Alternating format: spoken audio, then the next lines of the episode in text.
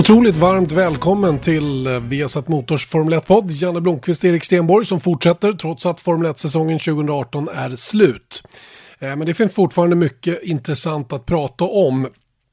Just idag så kommer det inte bli så himla mycket jag som pratar utan mer Erik Stenborg men kanske framför allt Björn Wirdheim. Eh, Viasat Motors nya Formel 1-expert då sen den här säsongen fick ju kliva in Eh, fick en ganska brutal eh, debut dessutom i Melbourne när eh, Ejeli åkte på en förkylning eller en influensa som gjorde att han inte klarade av att flyga till Australien överhuvudtaget. Björn som var med lite för att se och lära där fick hoppa in direkt i hetluften. Björn har ju en lång och gedigen racingkarriär bakom sig och jag tänkte det kunde vara intressant för er som kanske inte känner till den här karriären eller för er som vet på ett ungefär att uppdatera lite grann. Eh, att få reda på hur den, hur den verkligen gick till. Från hur det startade med gokart tills dess att det blev nästan tävlande i Formel 1 och så är det mer en väldigt framgångsrik karriär i Japan. Här har ni en lång intervju med eh, Björn Wirdheim serverad av Erik Stenborg. Välkommen till Formel 1-podden Björn Wirdheim. Har du varit med tidigare? Tack, eh, det har jag faktiskt eh, och det var när Janne var på besök här. Jag kommer inte ihåg när det var men det var nog fem sex år sedan. Ehm, och då var jag faktiskt med på Formel 1. Eh, det var under Silverstone-helgen när Marcus körde, jag tror det var, det kanske var andra året förresten för Sauber. Mm. Då var det inte ehm. fem sex år sedan, då var det väl Nej, det var det inte. Tre år sedan var det kanske. Det var nog första året med Sauber för Marcus. Hur som helst, du har varit med i Formel 1-podden i alla fall. Det har jag, ja. Och nu sitter du hemma i England. Varför, för det första, varför bor du i England? Uh, jag bor i England uh, för att jag träffade en engelsk uh, tjej, Ellen, um, och um, det var i samband med att jag körde Formel 3000 för Aden-teamet. Det var där vi träffades för att hon var personal assistant till teamägaren där, Christian Horner. Eh, och eh, det var ju 2003 eh, och 2004 när jag körde för Jaguar som baserade Milton Keynes så flyttade jag in hos henne i hennes lägenhet. Um, för, uh, det var rätt så nära till fabriken så det fungerar bra. Sen blev jag kvar här. Um, och uh, vi bor nu i den byn där hon växte upp, Whitchurch heter det, ligger i Buckinghamshire. Uh, och ja, tillsammans med vår dotter och, um, och våra hundar. Mm. Kommer du någonsin, liksom, kommer du flytta till Sverige eller är du britt nu? No, eh, alltså man ska aldrig säga aldrig, men för närvarande finns det inga planer och sen så har min dotter precis eh, börjat skolan här. Hon är, fyller fem år i, i januari. Eh, så att eh, inom de närmsta tio åren kan jag inte tänka mig att vi flyttar tillbaks, men man vet aldrig hur saker och ting utvecklar sig. Nej, precis om, eh, om eh, Viasat-jobbet kräver att du bor i Sverige så kanske? Ja, kanske. Mm. Nej, men jag har ingenting eh, emot Sverige på det sättet. Men samtidigt är det som så att jag har ju mitt liv här, min familj och, och mina vänner framför allt. Så att det, är kanske inte så lätt att, att, att bryta upp efter att ha varit här så länge. Och jag brukar säga det till Ellen också. Om vi ska flytta någonstans, om vi ska byta land, då flyttar jag hellre till Italien än till, till Sverige. Ja skulle jag nog också göra Men du, du har, om, jag, om mina eh, punkter här stämmer, så har du kört racing sedan 1996. Ja, eh, ja eh, formelbil, eh, riktig racing. Jag körde ju karting eh, innan dess också. Ja, jag menade bi bilracing sedan 96 ja. och då körde du Formel Ford i Sverige. Men då undrar jag så här, till att börja med, är du fortfarande racerförare? jag tänkte för det också häromdagen faktiskt. För nu, det är ju liksom första året um, i år som jag inte har kört en, en full serie. Men jag, jag tänkte det med att, att vara racerförare, det är nog mer en, en, mental inställning än någonting annat. Så det, det, är, det är jag fortfarande. Ja, det är bra. Jag tror att faktiskt att, jag hörde faktiskt, jag tror att Eje sa det för typ ett par år sedan. Att när någon frågade vad, vad, vad gör du? Han bara, I'm a race car driver. Och han slutade när han, jag tror att han, han är väl över, han är 65 eller någonting sånt. Ja. Han slutade när han var 40 så att du har 25 år på dig att kalla det Ja, det är bra att veta. Det är bra.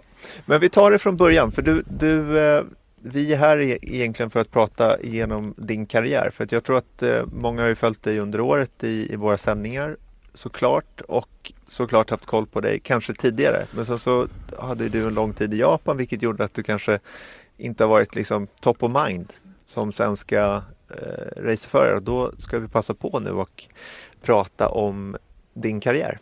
Så hur, hur började det?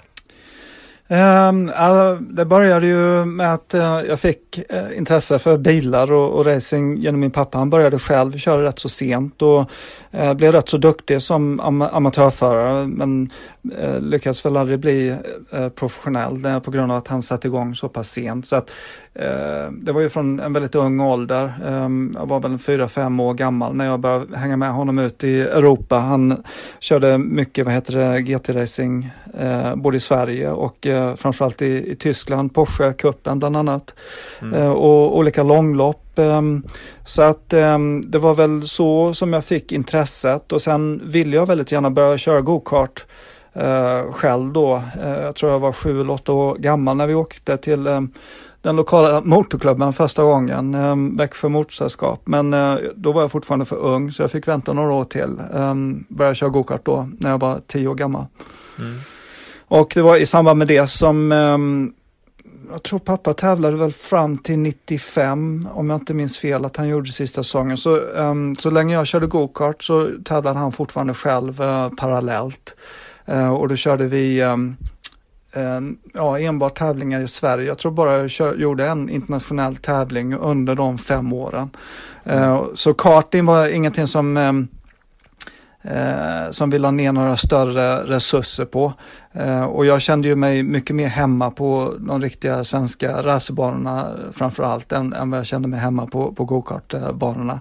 Men jag kände ändå mycket, jag körde Sydsvenska mästerskapet um, Um, ja, åtminstone fyra år i, i sträck och, och, det var ju jättebra liksom för att få grunderna uh, inom racing. Mm. Men det var ändå då att som nu, om, om du jämför kartingen med nu, nu med när du körde och var aktiv, då var det inte liksom samma, det var inte samma grej va? Um, alltså nu hänger jag ju inte med i karting eh, och uh, som jag sa så tävlade jag ju liksom aldrig internationellt heller. Um, och, och, klasserna kan jag ingenting om överhuvudtaget. Eh, utan eh, återigen, liksom, jag kände mig mer hemma på, på racerbanorna och, och, det blev ett mycket, ett väldigt naturligt steg för min del att gå från karting till formelbilsracing eh, 96 när jag var 16 år för att jag kände ju alla gubbarna och, och gummorna som, mm. eh, som fanns på, på de riktiga racerbanorna i och med att jag varit med min pappa så himla mycket. Men karting, eh, alltså det är ju liksom eh, där man, eh, man skapar grunden för en eh, racingkarriär och, och lär sig racecraft framförallt. Eh, så att det, det är ju, tror jag, väldigt viktigt för en raceförare att, att börja på det spåret. Mm. Det jag menar med nu, alltså när man hört lite om den satsningen som till exempel Max Verstappen gjorde på, på karting så var ju det helt enormt. Jag såg något inslag eh, från under hans första år i Formel 1 så gjorde BBC tror jag något inslag från, och då har ju de en egen, jag tror han körde för CRG, alltså chassitillverkaren. Eh, men han hade ju en egen, det var ju liksom en hangar liksom med chassin och egen bromsbänk. Menar, det, var, det är helt bisarrt egentligen vad de har lagt ner på hans juniorkarriär och då var ju det karting och jag menar det var inte på den nivån du körde, helt klart. Nej, det var det inte. Och jag förstår vad du menar nu. Eh, det var på en, på en väldigt låg eh, nivå i förhållande till eh, det som du beskriver. Det var ju bara jag och min pappa och han var min mekaniker. Var kanske där, därför det inte gick så himla bra heller. Nej. Men, men just, alltså det är ju en extrem materialsport och, och det var ju dyrt på den nivån som vi höll på med det också, även fast vi inte körde något internationellt. Um, och eh, faktum var det att ehm, eh, 90, 95 gjorde jag min sista gokartsäsong och hade väl planer på att fortsätta ytterligare ett år i karting men det visade sig att det var faktiskt um, billigare att gå över till, uh, till formelbil och, och, det var ju på den vägen um, uh, jag ville gå så det var väl inte så mycket diskussion om uh, vad som var bäst att välja i det läget. Nej. Och det här var faktiskt under en tid som jag, jag är två år yngre än vad du är. Och jag, eh, vi umgicks inte men, men våra pappor umgicks för de körde, körde tillsammans eller körde mot varandra. Och då kommer jag ihåg, jag tror jag har berättat det här för dig, men att jag var så sjukt stressad över att du körde hans racerbil, alltså din pappas racerbil från Park för med tillbaka till tältet. och jag hade ju absolut inga skills att köra, köra bilen och jag skulle absolut inte få göra det. Och sen så såg jag dig, du, du måste varit, vad, vad var det då? 14 eller någonting ja. sånt. Och så körde du en, en eh, Porsche Cup-bil tillbaka och jag, jag, kände mig så dålig alltså. ja, jag, jag minns det. Det var, det var ju jätteroligt, eh, kommer jag ihåg. Men eh, liksom man, man, man, det är ju inte konstigt att man, man fick racingen liksom i, i blodet från en, en riktigt tidig ålder. Nej, nej här sitter vi. Ja. Båda två. Just. Olika karriärer dock. Men ja. du, nu ska vi prata om dig. Eh, Formel Ford blev det. 96. Hur gick det där? Eh, det gick bra. Det, alltså, det var ju också på en väldigt låg eh, nivå men det var första chansen att få, få köra formelbil och ta, ta steget till att köra en riktig racerbil. Och det började med att um, jag fick en plats. Det fanns något som kallas för Scandinavian Formula School på Mantorp. Det var en licenskurs. Mm. Och uh, de som hade varit duktiga i uh, svenska mästerskapet i karting året innan hade fått en plats där. Så det var Uh, nu minns jag inte samtliga namn, men det var jag och Mattias Ekström um, som mm. var där. Um, och um, Mattias vann den här kursen och gick vidare och uh, fick en plats i Jim Russell uh, Racing Driving School i England. och jag blev tvåa. Jag var inte tillräckligt gammal för att åka till England, för jag tror, jag tror bara, jag var fortfarande bara 15 då. Mm. Men, och, och Mattias gick ju vidare året efter och körde, tror jag, Renault 5 Cup eller något sånt i Sverige. För han hade inget in, intresse av att köra formelbil. Men för, för min del så var det ju klart och tydligt då att eh, eh det fungerade rätt så bra för mig att köra formelbil och Formel Ford eh, i synnerhet då. Så att eh, jag körde Formel Ford första året och det var med eh, Team Ichiban, eh, klassiskt svenskt racingteam baserat i Växjö. Mm. Och um, Eh, Eh, jag tror att jag blev årets juniorförare det året och vann väl åtminstone ett race. Eh, om jag inte minns fel. Ehm, och ehm, ja, året därpå så fortsatte vi i Formel Ford för vi hade alltid en sån där tanke på att eh, det var bra att spendera två år i varje klass. Ett år för att lära sig banorna och bilarna och, och nästa år för att verkligen leverera. Så att eh, 97 hade jag bytt team för då togs teamet Chiman över av eh, Team Brosons hette det. Och eh, då var jag teamkamrat med Robert eh, Dahlgren. Mm. Och ehm, eh, då vann jag både juniormästerskapet och ehm, eh, skandinaviska mästerskapet var det väl. Ehm, övertygande. Jag tror jag vann, jag hade bara ett första eller andra platser eh, på hela säsongen. Ganska bra. Så att eh, det var väl där jag insåg att eh, det var någonting jag hade känsla för och kunde bli duktig på. Mm. Det kändes så. Och då tog du steget internationellt, eller hur? Ja, det gjorde jag. Och um, då eh, var ju frågan liksom hur man skulle gå vidare. Men jag, jag visste ju säkert då att, att jag ville fortsätta. Att jag uh, kände att jag var tillräckligt uh, duktig för att, köra internationellt. Och uh, faktum var det att um, 97, uh, 96, 96 när jag gjorde min första Formel Ford-säsong i Sverige så körde jag även Formel Ford-festivalen, alltså det här inofficiella VM mm. som går på Brands Hatch uh, varje år. Uh, och um, det körde jag 96, 97, 98. och då insåg vi väl att det, det, kanske var dumt att åka över till England och köra Formel Ford eh, utan det kanske fanns något, något bättre att hitta på. Helst hade jag väl tagit steget över till Formel 3 men det var en sån enorm skillnad i, i budgetar. Um, så att um, ehm, 98 så startades det ett annat mästerskap i England som hette Formula Palmer Audi som startades av uh, den gamla Formel 1-föraren uh, Jonathan uh, Palmer. Vars son Jolyon Palmer körde Exakt. i fjol, fram till i fjol. Just det. Och det var nystartat och, och då minns jag att eh, det fanns ytterligare ett alternativ som vi tittade på. Det var eh, Barber Dodge-serien i USA. Um, för det var andra svenskar som hade haft framgång där, uh, bland annat Kenny Brack uh, hade vunnit det där och det verkar vara en rätt så bra karriärstege också fast inriktad på amerikansk racing då. Det kunde väl leda till Indycar mm. eller kart som det hette på den tiden. Um, men um, ja, vi fick ett bra bud från Jonathan Palmer och bestämde oss för att eh, jag skulle köra eh, Palmer Audi-serien och ehm, eh, det var precis samma upplägg som, som Barbie Dodge. Eh, det var eh, en enhetsklass där samtliga bilar sköttes av ett team. det blev tilldelad en mekaniker. jag hade en kille som hette Joe Robinson som sedermera blev Fettas chefsmekaniker i Red Bull när han vann sina titlar med det teamet. Um, och um, uh, ja, då blev det två, två år i Palmer Audi-serien, 98 och uh, 99.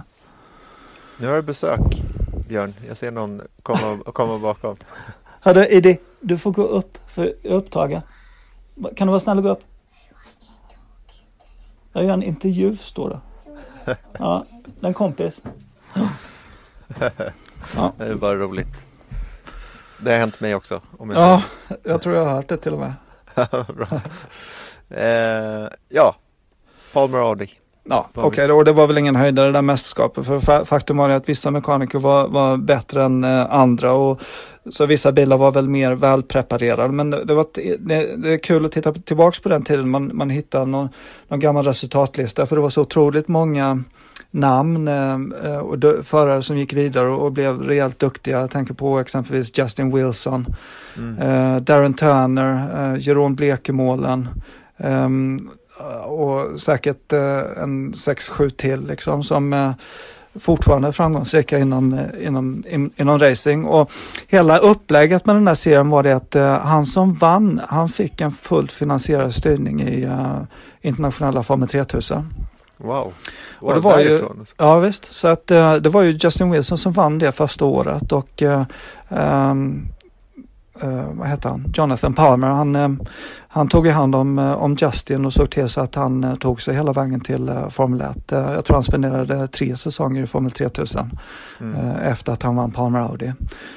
så att, var, men det var det någon koppling där då med att Jonathan Palmer, att var han hamnar man i hans management då på något sätt eller?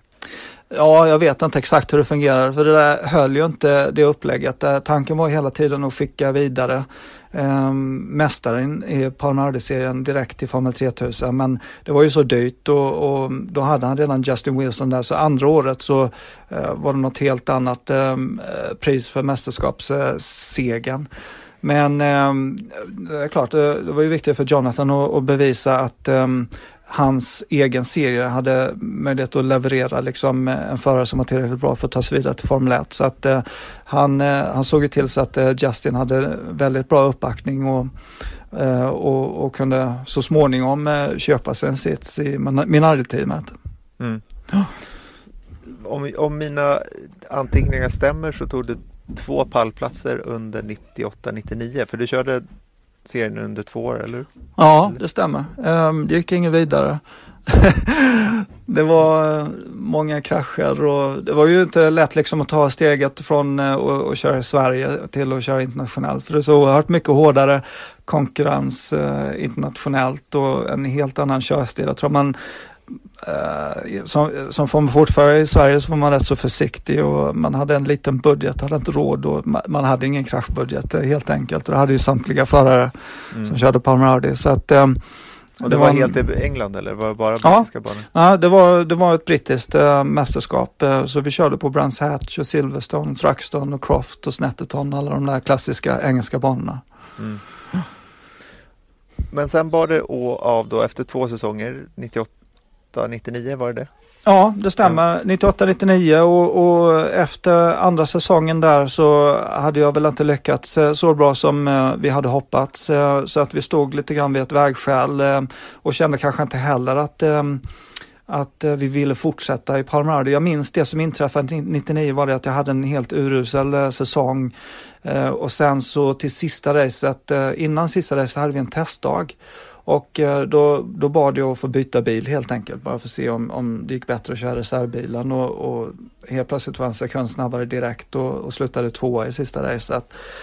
Mm, så då visste jag liksom att okej, okay, det kanske inte var mig det hängde på helt och hållet. Men uh, vi var lite osäkra på på just det mästerskapet då, för vi hade fått en insikt om att det, det kanske inte var så rättvist som det var menat att det skulle vara. Så att Eh, Eh, vi tittade på alternativ och det som jag helst av allt ville köra var ju Formel 3 och Formel 3 England eh, självklart.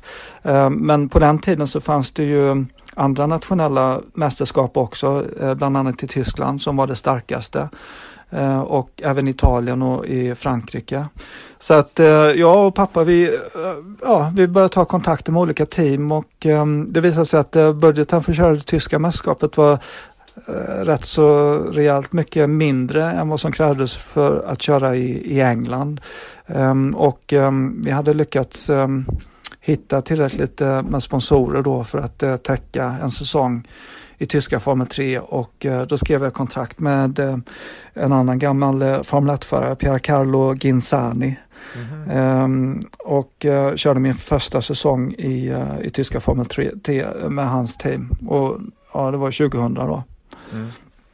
Och där hände någonting konstigt som jag minns det. För jag har för mig att, att min pappa berättade där efter han hade pratat med din pappa, förutsätter jag, att efter typ en halv säsong så upptäcktes det att när du tryckte full gas ja, tryckte du även på bromsen, eller hur?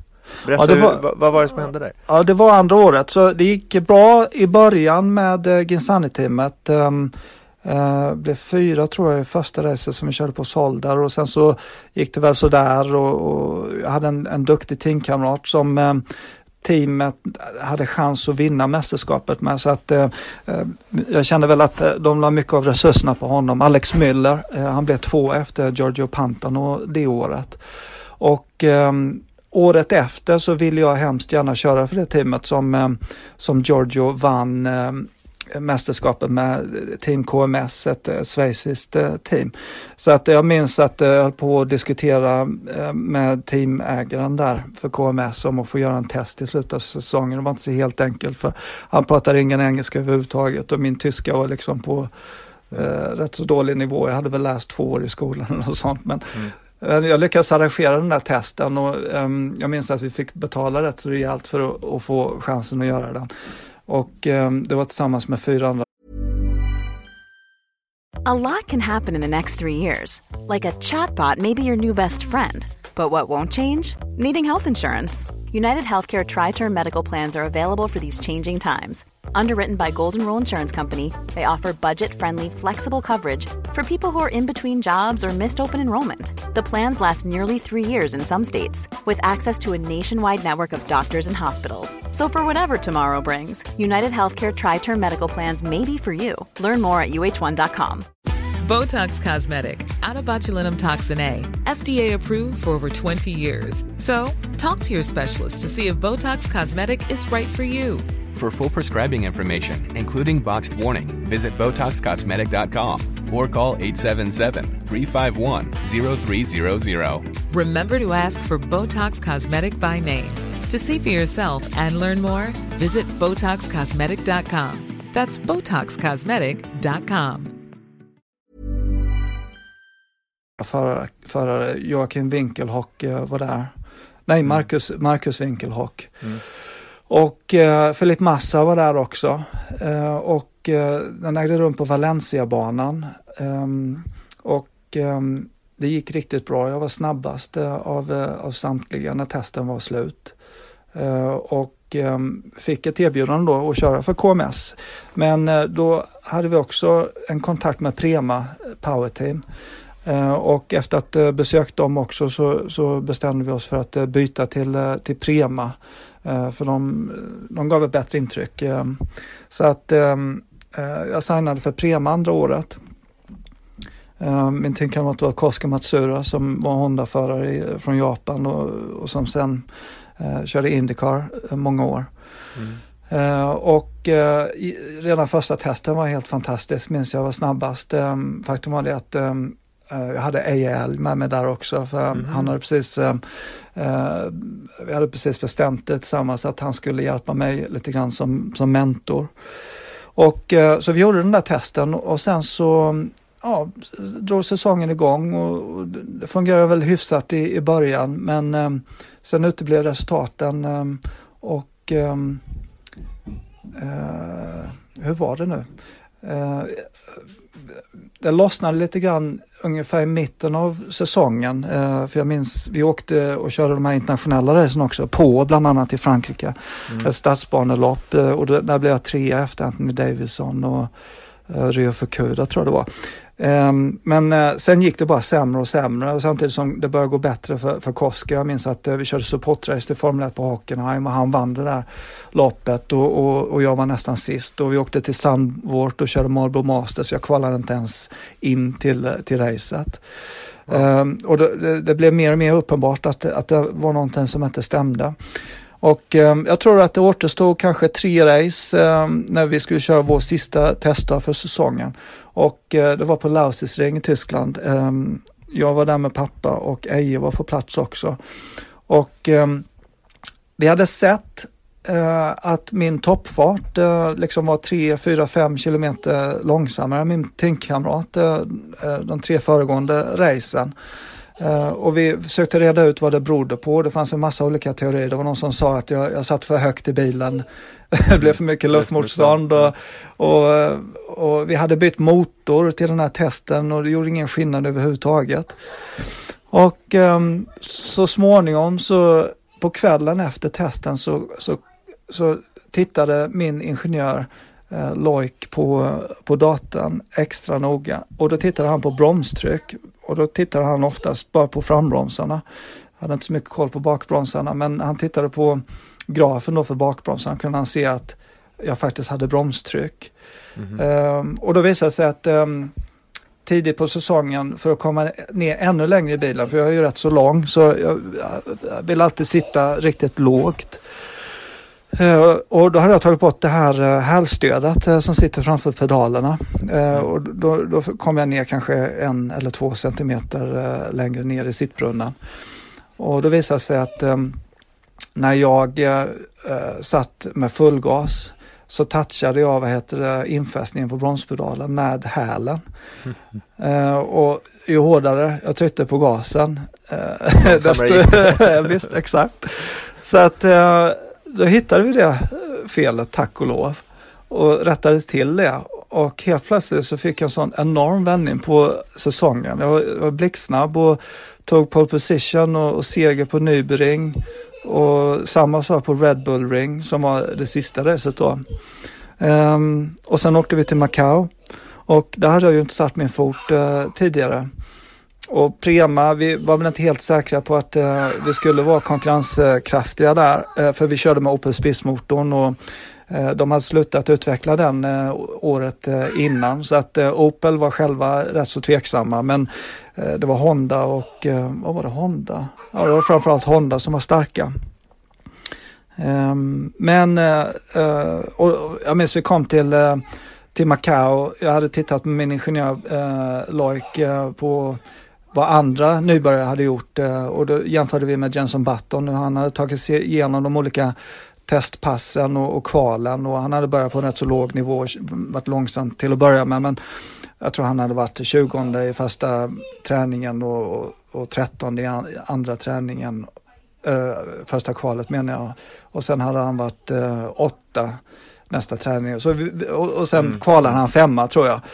Så att det tyckte vi var ett eh, rätt så bra riktmärke då och försöka upprepa någonting sånt. Eh, så att ehm, jag byggde upp eh, i, ett, i en sakta takt och, och det slutade med att jag, jag tog på position då i, i, i det avgörande kvalet och det var helt fantastiskt för det var ju bara, eh, tror jag, fem förare som hade lyckats med det tidigare i loppets eh, historia.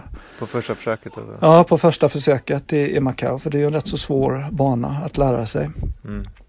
Eh, och det var ju sensationellt då och framförallt Opel Spiss var oerhört nöjda för att eh, de hade inte räknat med att eh, de skulle ha några bilar i topp 10. Eh, så det var, det var roligt och det var väl eh, ett genomslag eh, för min del, bara kvalresultatet. Och sen räckte det inte till i, i racet eh, eh gentemot eh, framförallt Hondas eh, fabriksmotorer från Japan. Eh, de hade Takuma Sato och eh, Benoit Trellier. Eh, jag tror jag blev tvåa i första racet och, och trea i det andra racet. Och just till det året så hade de gjort om eh, hur eh, slutresultatet stod sig minns jag. För att eh, det brukade vara som så att man la ihop resultaten från race 1 och race 2. Och sen så eh, fick man se vart man slutade totalt.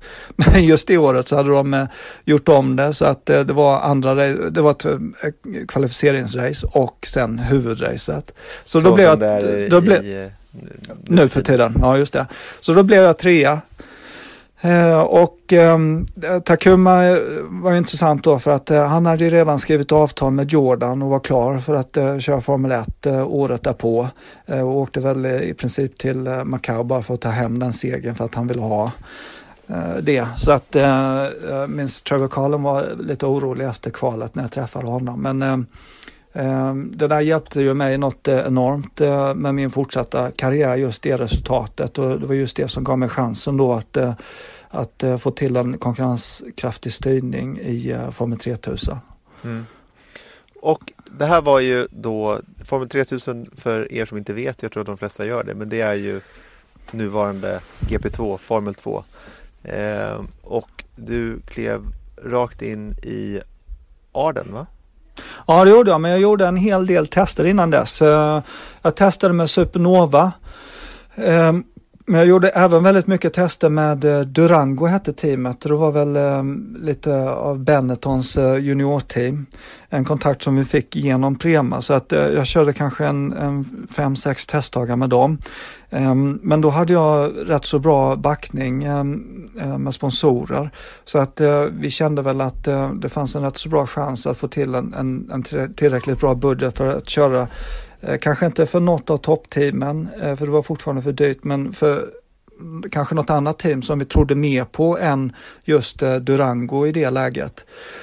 Um, så att jag minns det, vi satte oss i bilen hemma i Växjö, sen åkte vi över till England. Vi stannade i Holland och, och träffade ett team som hette Astromega. Um, som var ett av alternativen. Sen åkte vi till uh, Snetterton i England, uh, för där fanns det ett annat team som hette Nordic som hade vunnit mästerskapet precis med Justin Wilson faktiskt. Mm. Um, uh, och ja, sen åkte vi till Aden också och träffade Christian Horner och hans far. Eh, där, och, också då lite bakgrundshistoria att det var ju väl ett team som startades av Christian Horner, alltså nuvarande teamchefen för Red Bull. Ja, det var det. Han, eh, han och hans eh, pappa tillsammans med Dave Richards på ProDrive hade startat det teamet för att Christian själv skulle köra Formel 3000. Uh, och uh, sen körde väl Christian ett eller två år och konstaterade att han faktiskt var bättre på att driva teamet än att, än att köra racerbil. Mm. Um, och uh, då hade han haft två förra året innan, Darren Manning och um, Victor, Victor Maslow tror jag han hette, mm. en rysk förare. Eh, och de, det hade väl gått hyfs, hyfsat bra för Darren hade vunnit eh, något race. Eh, han eh, var testförare för BAR-teamet. Eh, och ehm, eh, de hade signat Thomas Enge eh, som liksom eh, skulle bli en riktigt bra erfaren teamkamrat som jag kunde lära mig mycket av. Så hela det upplägget eh, kändes rätt. Eh, väldigt professionellt eh, intryck eh, fick vi av dem. Eh, jättefina lokaler. De var ju baserade hos eh, ProDrive på deras område i Banbury, mm. inte så långt härifrån. Eh, så att, eh, och dessutom en, en, ja, en budget som kanske inte var lika hög som vad Supernova och, och det här mästarteamet Nordic eh, ville ha. Lite mer realistiskt. Och sen så kom vi fram till ett riktigt bra kontrakt som innebar att ehm, för Christian och hans far, de ville ju själva investera i det här teamet och, och var ute efter att vinna mästerskapet och gjorde en rejäl satsning. Eh, och de ville vinna det med Thomas men de vill ha en, en ung förare som eh, kunde ta över Thomas plats då eh, och utmana om mästerskapet följande året. Så att eh, det kontraktet som vi skrev innebar att eh, eh det fanns en klausul där som sa att eh, om jag slutar fyra eller bättre i mästerskapet första året eller tar ett visst antal poäng så får jag köra det andra året till halva budgeten.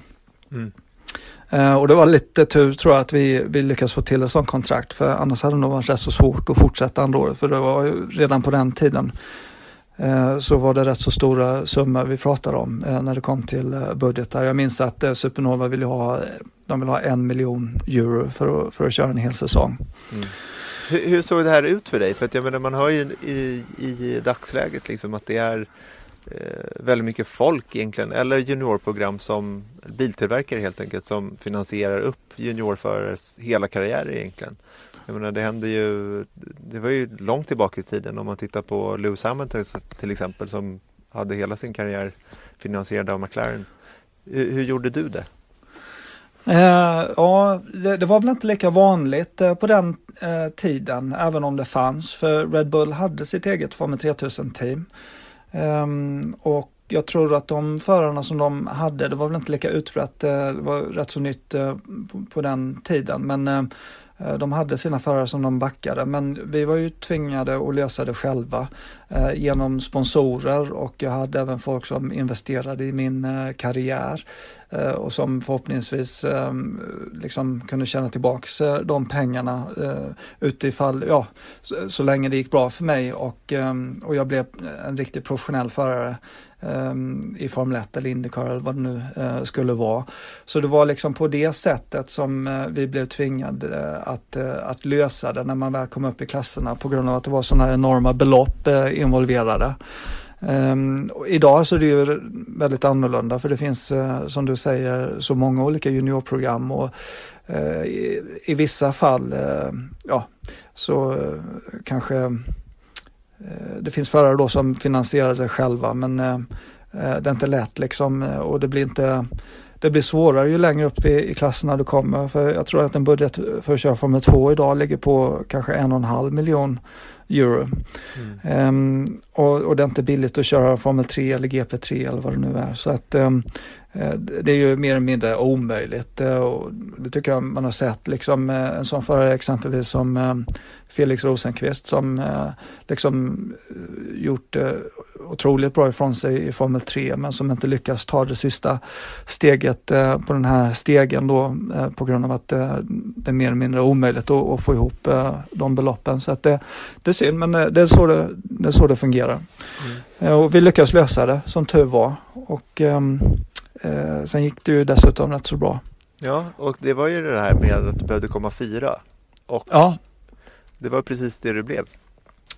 Just det, det blev jag. Och um, Thomas var en helt fantastisk uh, teamkamrat. Liksom, uh, uh, inte det minsta egocentriskt och liksom dela med sig av allting.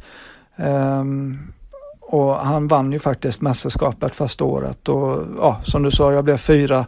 Eh, jag tror jag hade två pallplatser och segrade i det, det sista loppet på, på Monza.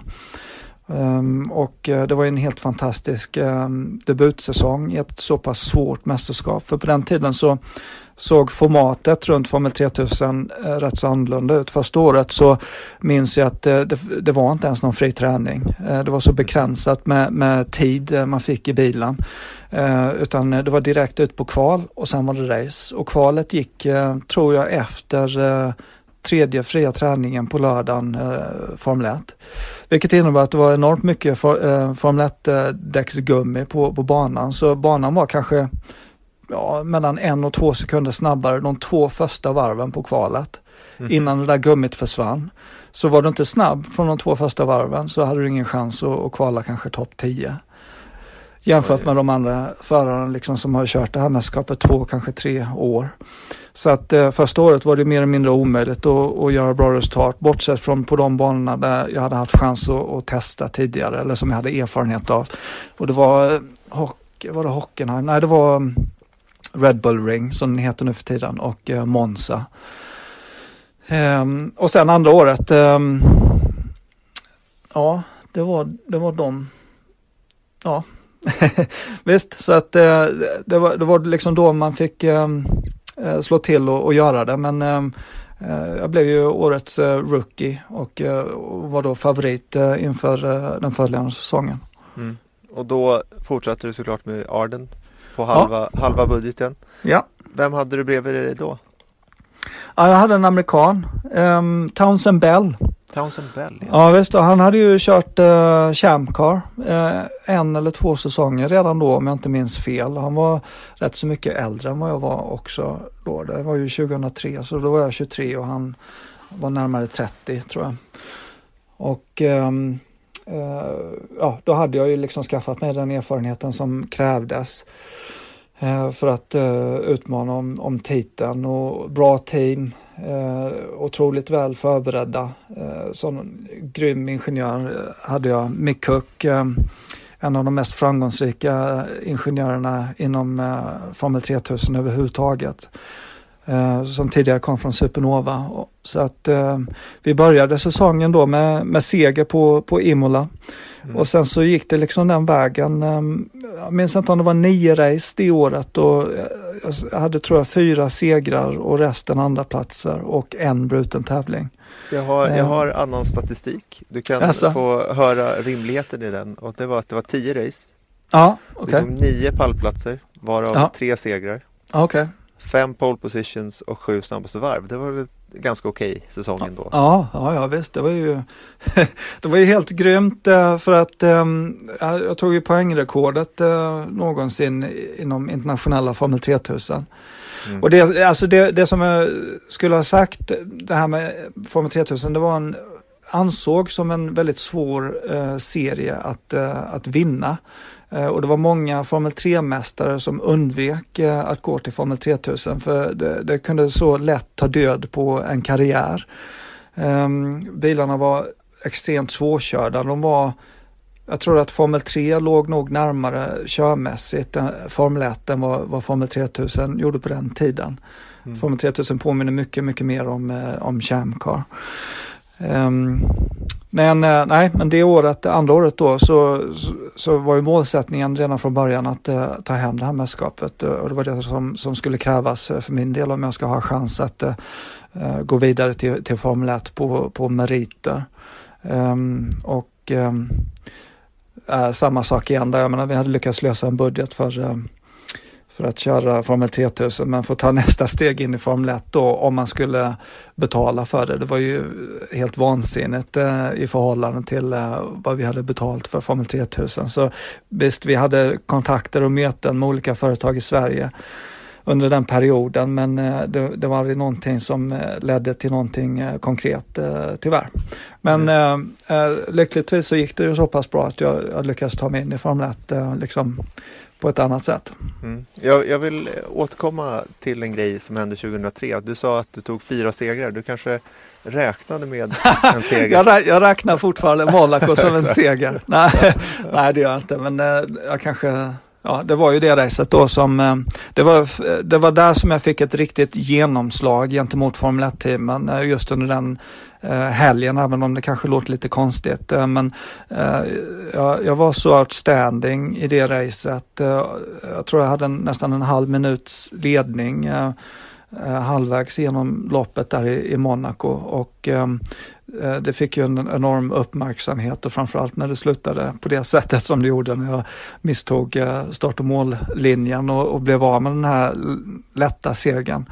Ta, ta, ehm. ta, den, eh, ta det racet då. Jag vet att jag, jag har fått dig att älta det här under året. Ja.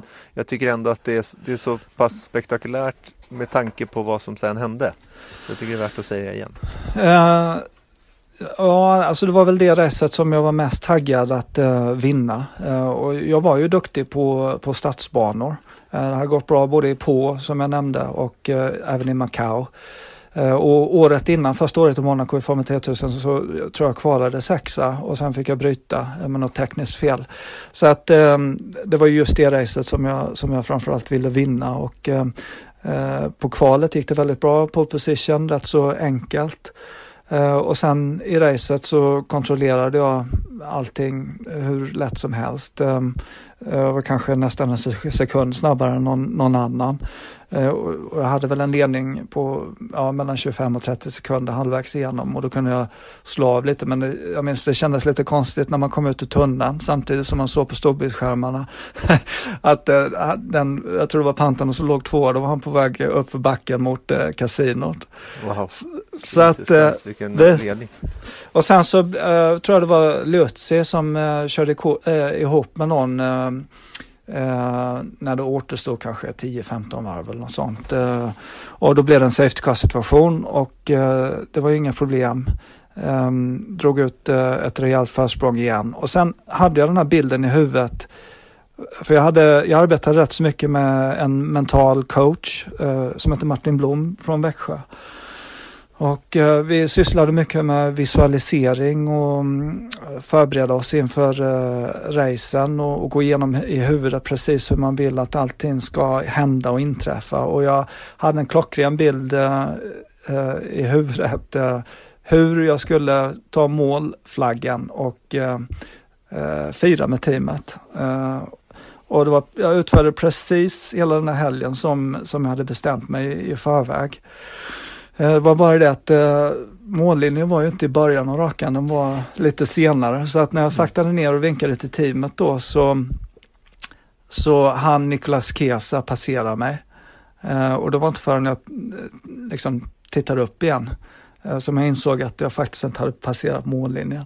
Så att... Vad var den liksom, omedelbara känslan då? Alltså man kan ju inte tro att det är sant.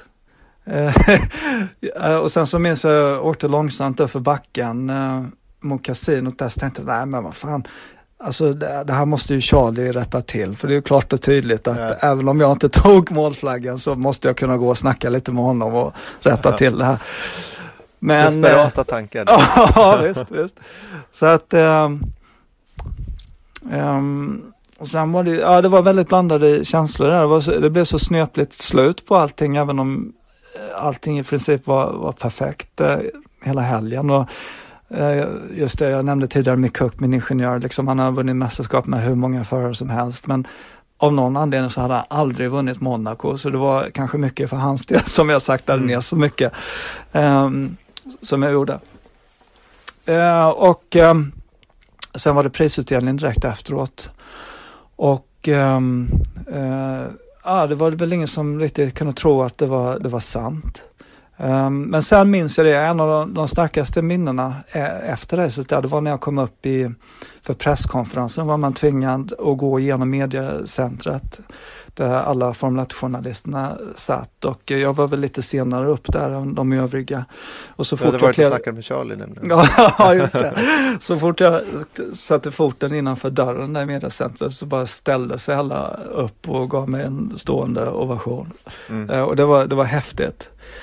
Um, och eh, jag, tror, jag vet att Christian och, och teamet var rätt så oroliga för hur jag skulle ta det där. Eh, för det var rätt så långt uppehåll om jag inte minns fel efter Monaco-racet.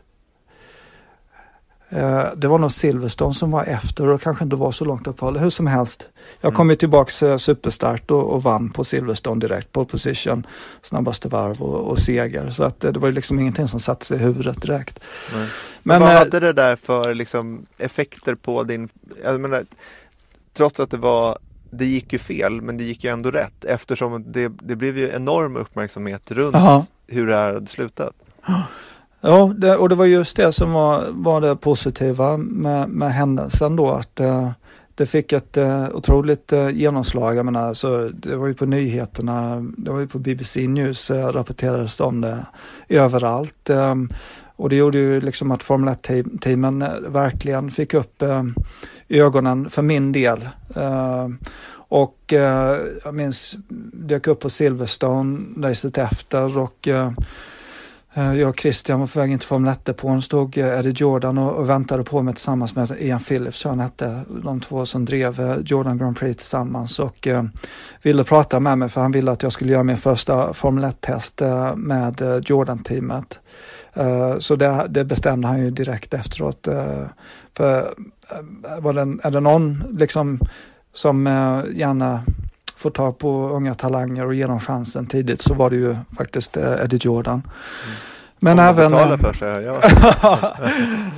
och ähm, ja, Eddie Jordan och sen så var det naturligtvis Dave Richards då med BAR äh, som också ville att jag skulle testa äh, för dem. Var det genom um, ProDrive på något sätt? För det var ju ja, det fanns det. Jag kände ju honom lite grann då med tanke på att han var så nära associerad med, med Christian. Um, så att, um, han hade ju följt uh, hur, hur uh, mina två säsonger utvecklade sig i, i Formel 3000 så att uh, jag fanns väl på hans radar där också och spenderade rätt så mycket tid hos BAR. Ehm, för att förbereda tester och, och, och snacka om kontrakt och så vidare. Så det fanns rätt så mycket på bordet i det läget. Eh, samtidigt som eh, hela andra säsongen där så försökte vi få tag på någon som kunde sköta mitt management. För det hade liksom inte varit nödvändigt att ha någon sån person involverad eh, tidigare i min karriär. Eh, eftersom jag och pappa liksom, vi hade skött allting själva. Eh, men vi kände väl att det var dags att, att Eh, få ta det där sista viktiga steget och, och få eh, liksom, se till så att man verkligen undersöker alla, alla kontakter i, i Formel 1-depån så kände vi att det var viktigt att och, uh, få den biten på plats uh, också. Mm. Och vad, vad hände då, då sen när du började? För du, jag vet att du, du testade ju för alla de här. Ja, eh, eh, första testen gjorde jag för eh, Jordan. Det var också 2003. Det var nog eh,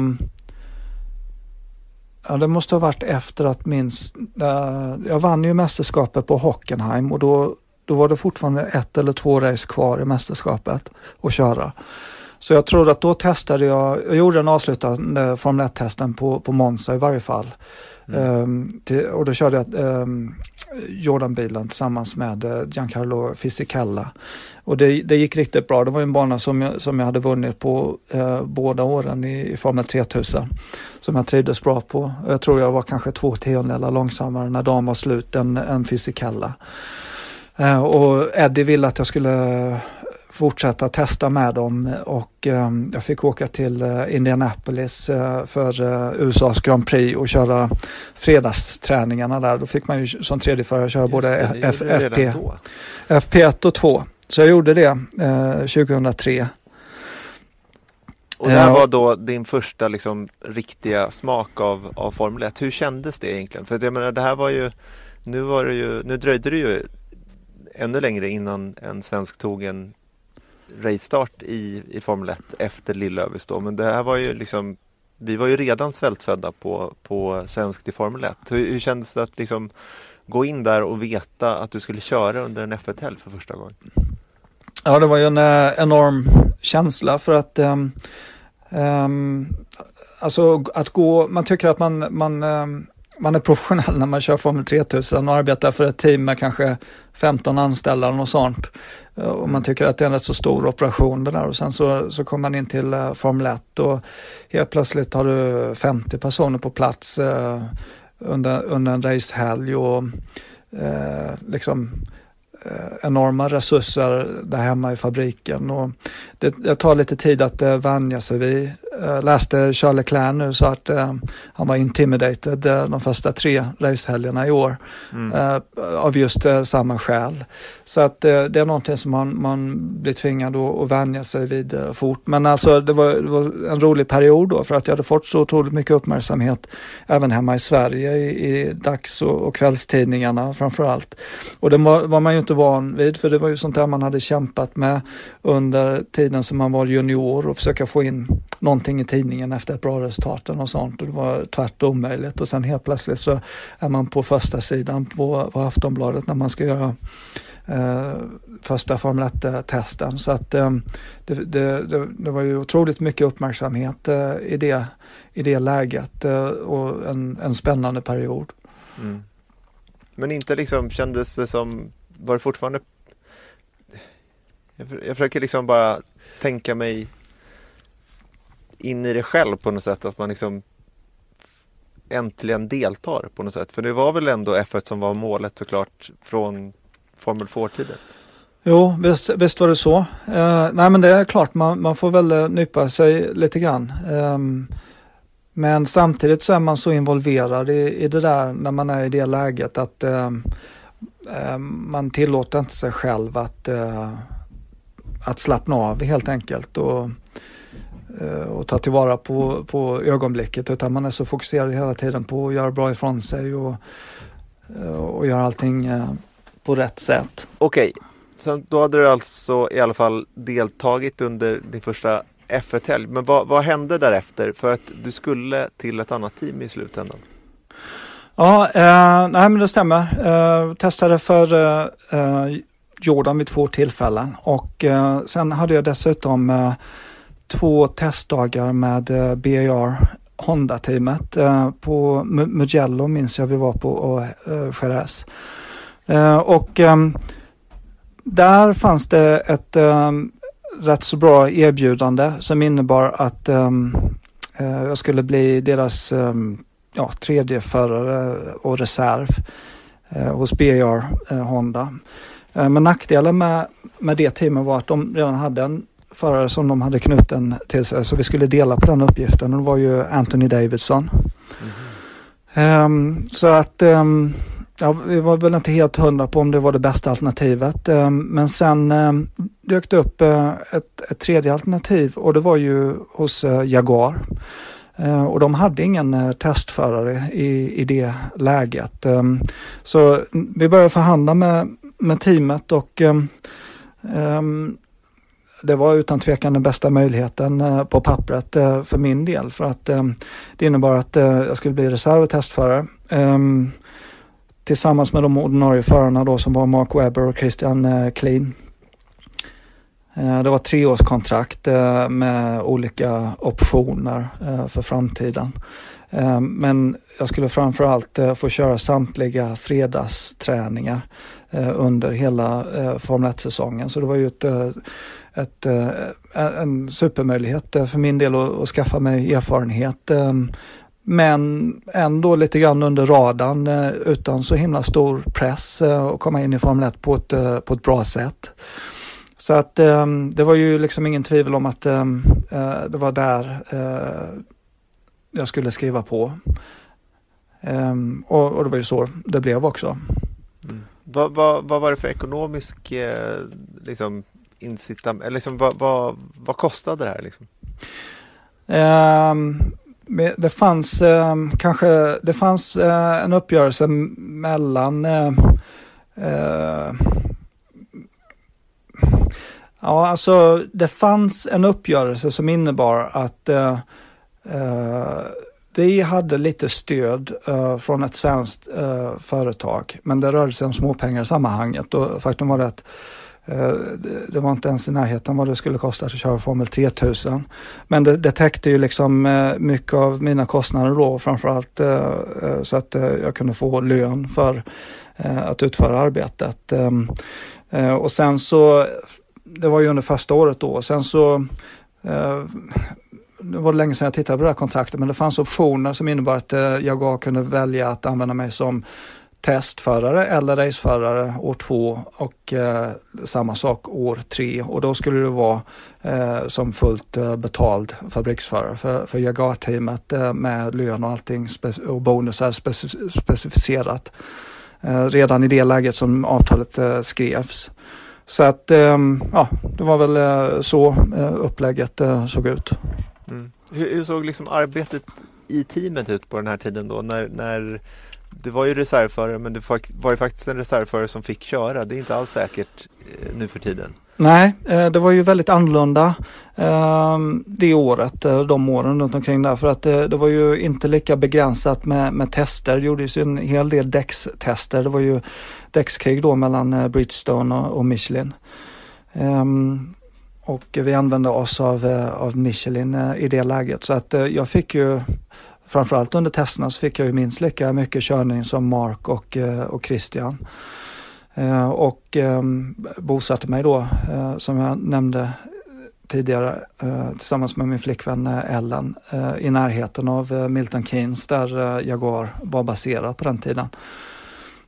Och ja, ehm, det var visst en stor omställning. Man är van vid att arbeta tillsammans med en ingenjör. och Helt plötsligt så har man tre ingenjörer man arbetar tillsammans med och en, eh, en hel fabrik eh, där man har genomgångar och eh, det ena och det andra. Så att det är ju ett sånt enormt mycket större ansvar att vara involverad och arbeta tillsammans med en sån organisation. Mm. Um, så att um, och sen dessutom, i och med att jag var en del av testteamet så innebar det att jag åkte på samtliga Grand Prix och på samtliga tester. Um, och, och, det var inte helt uh, lätt uh, alltid. Um, nästan aldrig hemma. Det, det, är väl kanske inte så stor skillnad jämfört med vad det är nu för tiden. Men framförallt så var det ju som, som vi sa mycket mer tester uh, just då. Så att ehm, det var, ja, det var, det var hårt arbete utan tvekan. Mm. Men var man väl omhändertagen av FE-teamet i, i din roll? Ja, ja, visst. Eh, de, eh, alltså, jag var ju där eh, och fick samma villkor som de ordinarie förarna. Så att de hade sin egen tränare som vi alltid reste tillsammans med och när man var borta under längre perioder så var det träningsläger i Malaysia och, och på alla möjliga olika ställen. Så att Eh, Eh, och sen hade jag ju i princip mitt eget team eh, inom teamet eh, som bara jag arbetade med. Ehm, min ingenjör och mitt gäng mekaniker.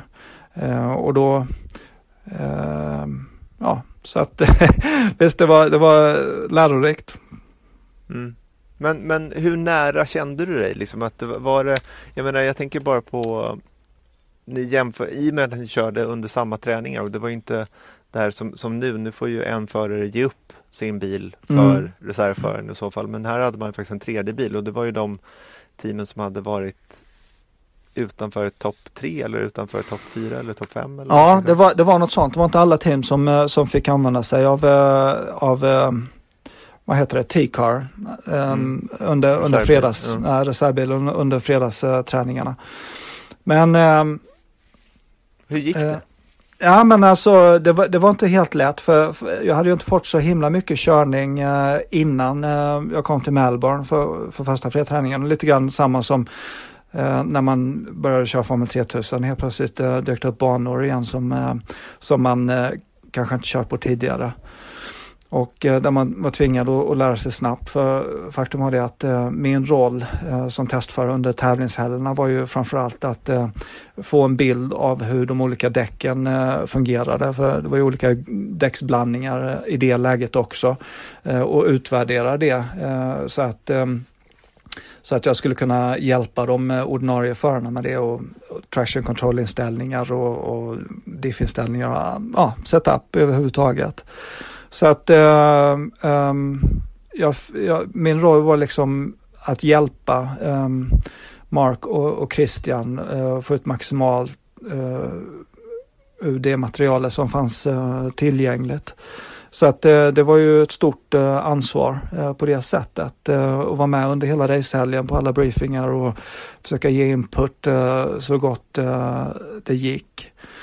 Um, men Visst, eh, alltså, det, jag var inne på det lite tidigare, det är en stor uh, omställning när man uh, plötsligt arbetar för Formel 1-team uh, och um, det, ja, det, det, tog väl några race um, i början av säsongen innan man började komma in i, i, i det tänket och det arbetssättet. Um, men sen kommer man alltid tillbaka till banor där man känner sig komfortabel och det var väldigt mycket tester exempelvis i, i Barcelona. Så att um, uh, jag har en rapport som ligger här någonstans, uh, en utvärdering av uh, min säsong med Jaguar-teamet där och jag vet att första halvan så var det rätt så svårt att komma i närheten av Mark Webber um, mm. tidsmässigt. Ehm, men däremot kunde jag matcha Christian eh, emellanåt. Eh, och sen andra halvan av eh, säsongen så var jag snabbare än, än Mark vid några tillfällen. Och rätt så ofta snabbare än, än Christian. Mm. Så att visst, när jag väl hade fått de där milen i bilen under bältet så, så lyckades jag ju vara, vara snabb i en sån bil också. Um, så att eh, det, det, gick väl så bra som man hade kunnat förvänta sig. Men det var alltid svårt att, att jämföra också för att eh, det, det, var sällan man körde på samma förutsättningar. Och det vet vi ju liksom som följer Formel 1 att man framförallt under fredagsträningarna så har man ju aldrig någon aning om hur mycket bränsle de kör i bilarna och hur tunga de är. Och det där kunde vara lite frustrerande emellanåt. Jag minns att jag fick kämpa de gångerna som eh, jag visste att jag skulle komma till en bana där jag kunde göra ett bra resultat, även om det var en träning. För att det var liksom inte viktigt för teamet eh, i sig, men det var viktigt för mig och, för mitt självförtroende att få göra en kvalsimulering här och där. Mm. Eh, för, att, eh, för att visa att jag faktiskt är snabb. Så att eh, det var kanske ett misstag när vi drog upp det här kontraktet med Jaguar att vi, vi, vi förmodligen skulle se till att ha en klausul som innebar att jag fick en möjlighet varje fredag som man var eh, på, med under de här Grand Prix-helgerna att, att sätta en bra varvtid. Mm. För jag vet att Anthony Davidson hade det med, med BAR-teamet. Så att han, han såg ju oftast snabb ut. Jag tror att jag tror på spa gjorde jag väl den bästa träningen som jag kan minnas och jag tror jag var fjärde snabbast eller något sånt. Mm. Um, men, men det här är ju lite, lite lustigt då, för då tänker man ju ändå att så här, okay, men teamet vet ju ändå. Jag ja. Menar, det vet jag hur alla säger hela tiden. Men varför är det då så? Och jag, jag kan köpa det, att det är viktigt att få visa vad man går för ändå. Men gör det någon skillnad internt i ett team att få en så kallad så här, glory run? Att man får sätta den där tiden? Eller Nej. vad är syftet egentligen? Nej, men det var ju just det som, eh, som, som var, var deras um, alltså de menade ju det, för det var ju inte viktigt för dem överhuvudtaget. Och precis som du säger, med hjälp av den datan som fanns tillgänglig så kunde de se exakt hur jag låg till i, i förhållande till de övriga förarna. Det låg ju inte i deras intresse och att jag skulle åka ut och sätta en bra varvtid. Men det var viktigt för mig för att um, um, i slutändan så, så kämpade jag ju med Christian och Mark om en styrning förhoppningsvis för det kommande året. Och, uh, av det skälet så var det viktigt um, uh, att få visa vad, vad man går för och, och vad man är kapabel till. Mm. Um, så att, um, och, och för, för självförtroendet för att um, Alltså du vet hur det är när man kör för ett team som inte är konkurrenskraftigt och, och man har svårt att ta sig in Jag har ingen aning om hur det är. Jag kör för något team. Nej men alltså. Äh, Nej, men jag kan förstå, jag förstår vad du menar. Sånt. Men, men eh, okej, okay, men du, du, känner ändå liksom nöjd med vad du presterade 2004. Men vad, sen såldes Jaguar? Ja, um, det blev liksom, um, jag tror redan halvvägs genom säsongen så, så förstod väl, så det började pratas eh, inom teamen om, eh, om att um, Ford uh, inte längre var kände att de kunde dra runt uh, det projektet. Det, det hade blivit alldeles för dyrt för dem, gick inget vidare för Ford själva med bilförsäljning och så vidare. Så att um, Eh, det började bli lite skakigt sådär halvvägs genom säsongen och sen så ehm, um, blev det offentligt dessutom att uh, Ford ville göra sig av med uh, Jaguar-teamet. Och uh, lite samma situation som alla de här övriga teamen, uh, Force India nu senast. Uh, helt plötsligt så, så, så finns det inga pengar kvar att finansiera med och då måste man hitta Eh, någon som kan ta över det. Så att eh, visst, eh, det var kanske inte så roligt för teampersonalen för osäkerhetsfaktorn då om, om, om det helt enkelt skulle läggas ner eller om det skulle dyka upp en, en köpare. Och för min del så var det ju inget bra heller för att um, det var liksom um, Jordan visste jag att det fanns ingen chans att gå till, även om det hade funnits en möjlighet tidigare, för det skulle krävas en budget och um, ja, alltså och prata med team som Minardi i det läget eh, och betala massa pengar för att, att bli sist vartenda racehelg. Det, det kändes inte så motiverande heller. Och sen kände jag det också att um, det var inte, även om jag fick mycket körning i Formel 1-bilen så saknade jag tävlingsmomentet um, oerhört mycket. Um, och det var förmodligen av det skälet som um, jag började titta på andra alternativ efter uh, Formel 1 då. När stod det här klart då för dig? Att det, det skulle nog inte bli någonting i, i... För att Jaguar såldes alltså till Red Bull och Red Bull körde sin första säsong 2005. Eh, och då hade du kontrakt med Jaguar som jag förstår det och då liksom förintades din, ditt kontrakt? Ja, det var väl um, det blev väl eh, klart uh, innan sista racet uh, i Sao Paulo. för att um, jag trodde faktiskt att jag skulle få köra det racet. Jag, jag hade en känsla av att, att de skulle plocka bort Christian, men det var precis samma med det som Red Bull um, hade seriösa och allvarliga diskussioner om att, att köpa teamet. Um, och Eh, Christian var ju Red Bull-förare. Han satt ju Jaguar finansierad av eh, Red Bull. Eh, och, eh, men som, visst, jag var kontrakterad till eh, årets slut och jag tror sista testen kördes i Barcelona. Då hade Red Bull redan tagit över teamet och då skickades jag dit som testförare. Och um, tanken var då att uh, Christian Klein och uh, Liuzzi skulle, uh, skulle testa. Uh, men jag skulle vara på plats uh, utifall att uh, de inte skulle orka för det, det var ju rätt så fysiskt krävande um, att köra de där bilarna. Och Liuzzi hade precis, skulle ta steget då, han hade precis vunnit Formel 3000. Mm. Skulle ta steget upp i Formel 1. Um, och då träffade jag Mateschitz och eh, Helmut Marko och, och satt mig ner och, och, pratade med dem för att undersöka om det fanns någon möjlighet för mig att eh, liksom följa med på köpet. Mm. Um, och, eh, och det, det, fanns det inte. Uh, det gjorde de uh, klart och tydligt för min del. Jag hade haft eller jag hade, det fanns en förfrågan när jag, efter min första säsong i Formel 3000 från Helmut Marko om jag ville köra för Red Bull Eh, teamet i Formel 3000. Det tackade jag nej till för jag ville fortsätta med Arden-teamet.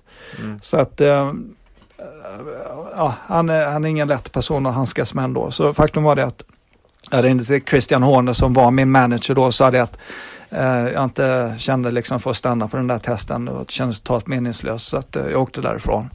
Mm. Eh, och det var, ja, det var det sista jag hade att göra med, med Jaguar-teamet. Men en lite lustig grej då som jag ville bara få ditt perspektiv på. För nu var ju Christian Horner din manager. Ja. Och han blev ju omedelbart teamchef för Red Bull. Ja. Hur gick det ihop så att säga? I, i ditt huvud? ja, men eh, Christian eh, hade ju bevisat eh, sig själv var oerhört duktig i Formel 3000 eh, som teamägare och, och, och få driva Aden-teamet och dessutom så var han eh, talesperson för hela Formel 3000-organisationen eh, gentemot eh, Formel 1. Eh, så det var han som förde diskussioner exempelvis med, med Bernie Ecclestone och ehm, som jag sa så hade ju Helmut Marko sitt eget team eh, i Formel 3000. Han hade ju sett hur Christian hade utvecklats i den rollen som eh, han hade där. Så att Helmut hade väl ett gott öga till, till Christian så att när det erbjudandet dök upp för Christians del så, så var det väl inte så, så konstigt med det. Det var väl snarare som så att man undrar om han verkligen eh, skulle klara det. Um, mm. Och ta steget upp till, till Formel 1. Um, ehm, men um, det innebar också att eh, vi var tvung, tvingade att säga upp eh, det här managementavtalet som han hade med mig och det skedde rätt så sent. Det skedde väl halvvägs genom eh, 2005 skulle jag tro. För då, Christian var fortfarande involverad och, och hjälpte mig att hitta en styrning i, i Chamcar. Mm. Uh, och hade kontakter med uh, en massa olika Chamcar-team. Um, och det gjorde han liksom för att han, han kände att um, det var rätt sak för, för honom att, att, göra, även om han visste att han inte skulle vara min manager i framtiden heller. För att mm. det inte gick ihop uh, med hans roll som stallchef för Red Bull-teamet. Mm. Men inget ont blod liksom så att säga. Alltså jag tänker bara för din egna del. Nej, det var det inte och Christian och jag vi höll kontakten rätt så länge efter det. Uh, även när jag började köra i Japan så småningom så träffades vi ett par gånger om uh, året. Uh, för att, ja, han, han var väl lite grann av en mentor. Eh, men sen blev det så klart och tydligt eh, för min del att eh, fortsättningen i min karriär låg i Japan och Japan, där hade, han, där hade jag bättre kontakter själv än, än vad han hade. Så att, ehm, ja, det var väl 2008 fram till dess som vi höll en kontakt liksom på en professionell nivå. Mm. Men nu då, om man, om man stannar vid Formel 1 lite till då att nu, nu när du har gått runt i depåerna under 2018, hur, hur känner du idag runt att det faktiskt aldrig blev en race-start eh, i Formel 1? Nej, um, det känns helt okej okay, faktiskt för att um, jag uh, liksom fick en lång uh, karriär i, i, Japan. Jag var ju där i 12 år uh, efter det som inträffade i Formel 1 och efter min säsong som jag gjorde i USA där. Så att det är jag väl tillfreds med. och um, så alltså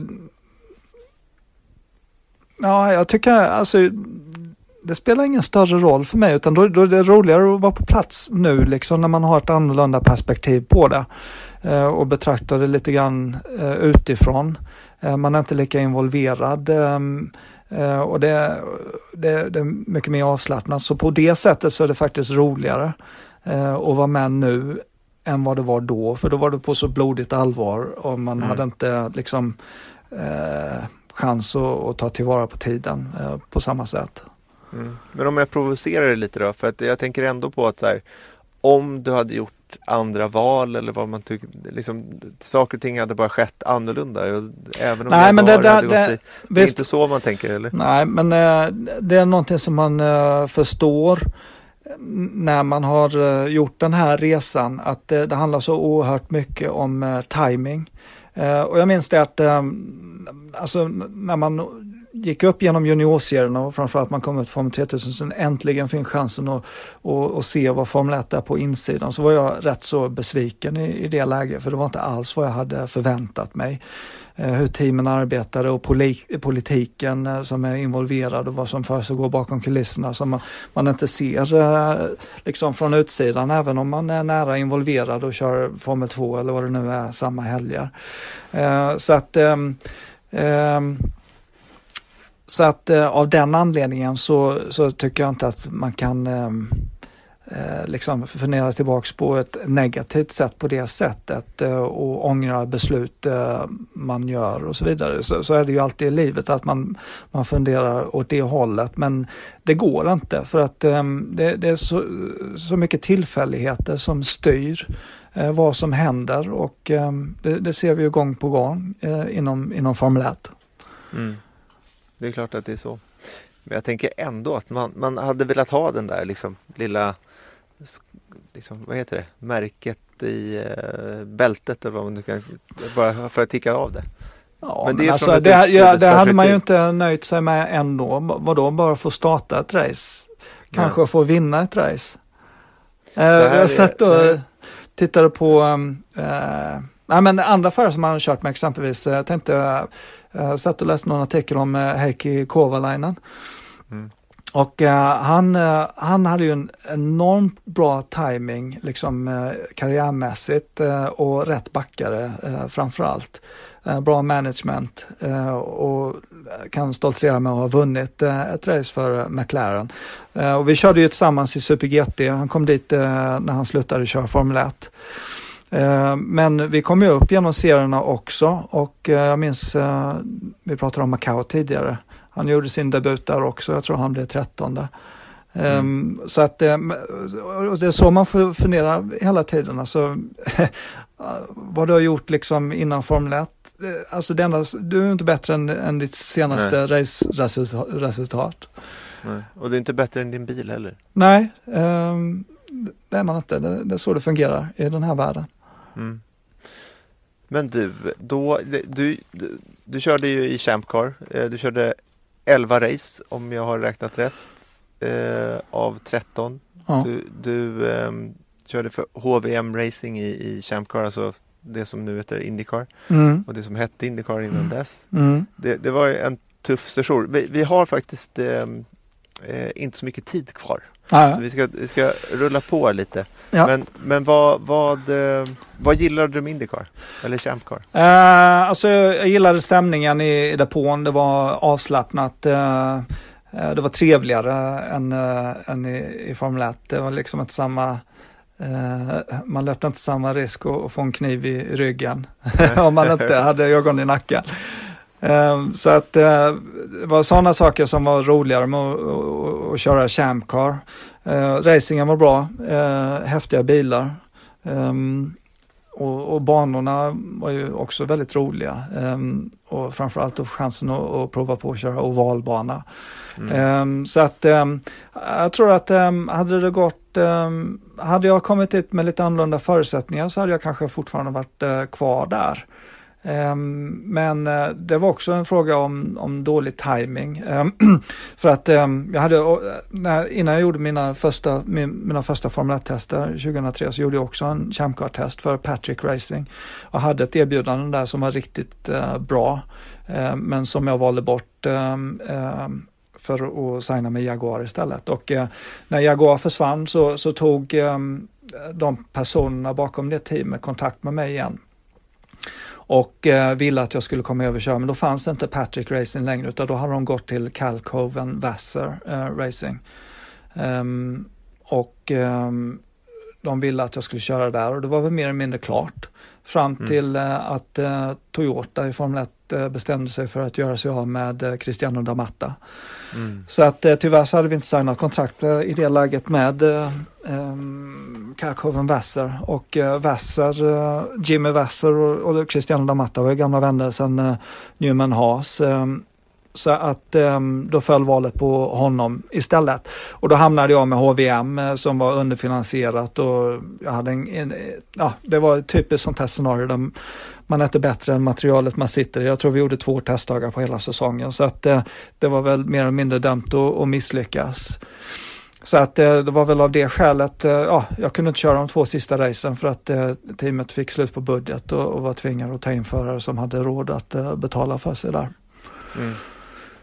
Vad tråkigt, men sen så körde du istället då 12 år om jag räknar rätt i Japan. Formula ja. Nippon, GT500 och GT300. Ja. Vad, vad, vad är liksom grejen? För det, det, här är ju grejen lite runt dig kan jag tycka att som ja, liksom racingförare aktiv i Japan så blir man ju jag menar, Japan är långt bort men det är inte helt osannolikt långt bort. Men man hör väldigt lite om japansk racing ändå. Och jag menar, nu har Felix Rosenqvist kört eh, GT500, han körde eh, Superformula som Formula Nippen nu heter i fjol.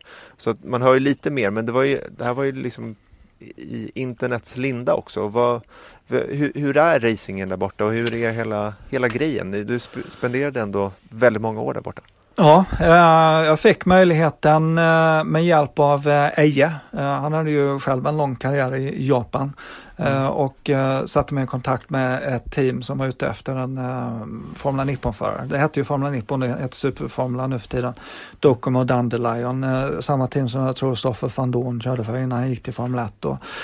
Men alltså, det var också liksom väldigt konstigt eh, att komma till eh, Japan för första gången. Jag hade varit där med Formel 1 eh, tidigare. Men och, och se liksom, det var väldigt likt att köra Formel 3000, Formel Nippon på den tiden. Men och, och på en rätt så enkel nivå. Eh, inte så där himla mycket publik eh, på racen, racen, men samtidigt fick jag också kontakt med ett av EIs gamla team, eh, Team Le Mans, som Felix eh, sen körde för också, som eh, ville att jag skulle köra eh, Super GT för dem. Och då förstår man lite grann vad racingen i Japan han, ha, handlar om. Eh, för där har du ett sånt otroligt eh, stöd från de tre större fabrikanterna Nissan, Honda och Lexus, Toyota. Eh, och eh, det är oerhört mycket publik eh, på tävlingarna, hög profil på, på racingen. samtliga förare i GT500 professionella och, och väl betalda. och sen dessutom i GT300 då med ytterligare fabrikanter. Och, ehm, det är ett jättespektakel men oerhört roligt att vara involverad i och faktiskt en högre profil på på det mästerskapet då än vad det exempelvis var i Chamcar. För eh, Chamcar i USA hade inte gått så bra. Det var ju i samband med mm. brytningen mellan Indycar och Chamcar. Mm. Så att eh, liksom komma in och, och, få köra ett sånt eh, mästerskap eh, med bra villkor. Det var liksom, ja, för alltså jag hade alltid tänkt sådär tidigare. Jag tror lite av den där inställningen som man måste ha för att lyckas med någonting. Att blir det inte Formel 1 då lägger jag av istället. Mm.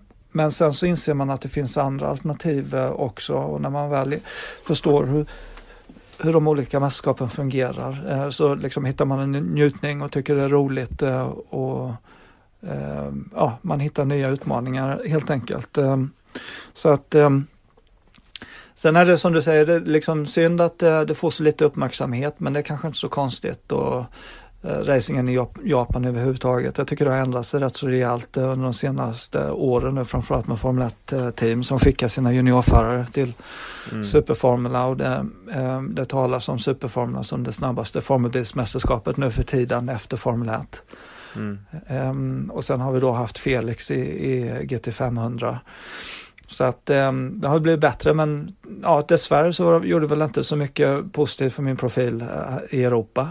Eh, för det märkte jag ju sen eh, senare liksom eh, under karriären i Japan så gjorde jag ju vissa försök att komma tillbaks och få chansen att köra andra mästerskap parallellt med vad jag gjorde i Japan. Exempelvis European Le Mans Series som jag körde 2015. Mm. Men, och då kom man tillbaks och då hade man väl varit borta ja, nästan tio år. och det var liksom ingen som hade någon koll på vad som hände för 10-15 år sedan i Formel 3 eller Formel 3000. även in, inom motorracing. Så folk har kort, kort minne. Mm. Det, får man, det blir man varse om. Mm. Och speciellt när man ändå varit aktiv. Det är såklart att liksom på en hög nivå så, så kan man ju nästan bli förvånad över den ja. saken faktiskt. Ja. Men hur som helst och nu sitter du här 38 år gammal i ditt hus i England och du är du kallar dig racerförare men du eh, det senaste racet du körde ja. Vilket var det? Det var i Monaco. Ja, det var det. Och där fick du vända på den där grejen som du upplevde 2003. Ja, jag fick revansch. Äntligen. Mm. Mm. Det är ju ganska fin, om det nu, det är antagligen inte det sista race, men om det skulle vara det sista race så är det väl en väldigt fin story. Ja, jag har tänkt på det också faktiskt. Det är liksom otroligt att få, och, ja, nu, alltså jag har långt ifrån avslutat min karriär. Jag tror säkert att jag kommer att köra någonting ytterligare. Eh, men, men att, eh, att få chansen liksom att komma tillbaka till Monaco och rätta till det där misstaget och ta en seger och, och, och ta emot pris av eh, prinsen, visst. det du gjorde var ju att du körde Monaco Historic eh, Grand Prix, alltså med en gammal Formel 1-bil med en March 711 från 72, 71? Uh, 1971. 71. Ja. Eh, och det var i, i maj, två veckor innan det riktiga Monacos Grand Prix då. Mm. Och, eh, du tog pole och du vann. Ja, klockrent.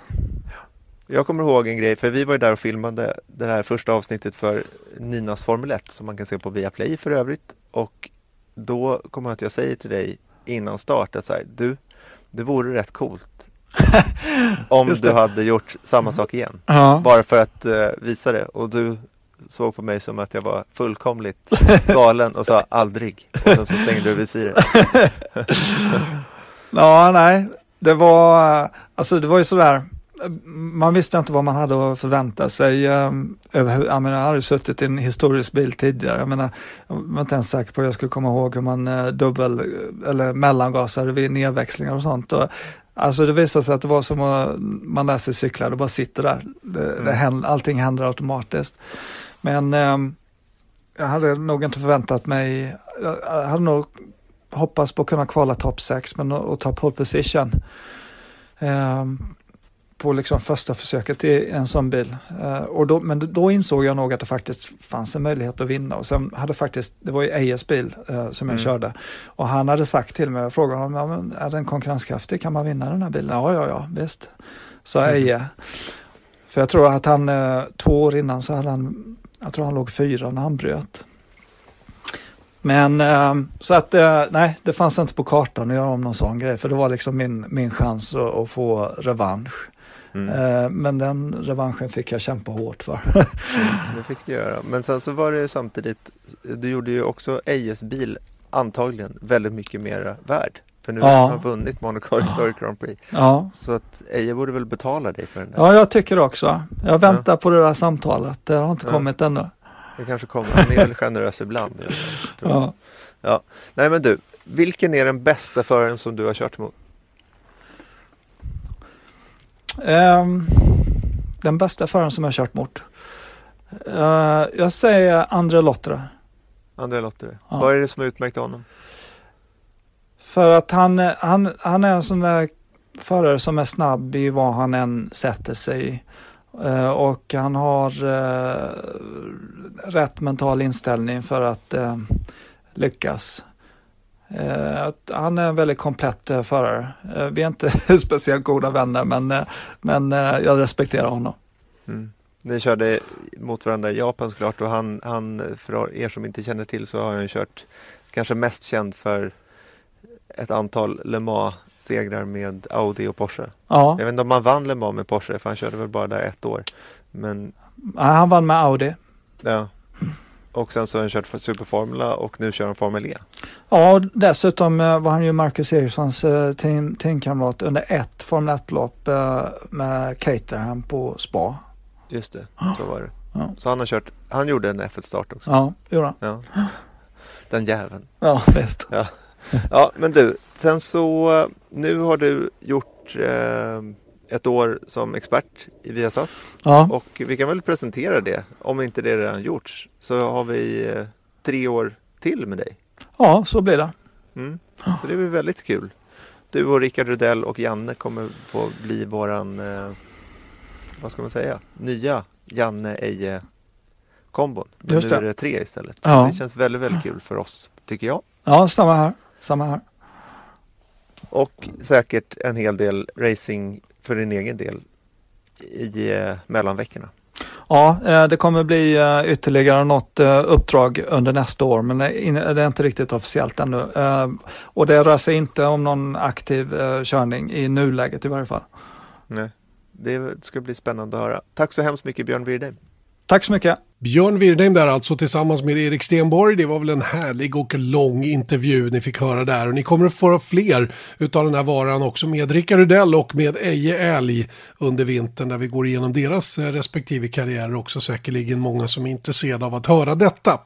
Eh, men så länge säger vi tack och påtrörande. Formel 1-podden är tillbaka på juldagen nästa gång. Juldagen nästa gång alltså, så missa inte det. Det blir väl en fin liten julklapp. Men så här långt säger vi tack och påtrörande Janne Blomqvist och Erik Stenborg.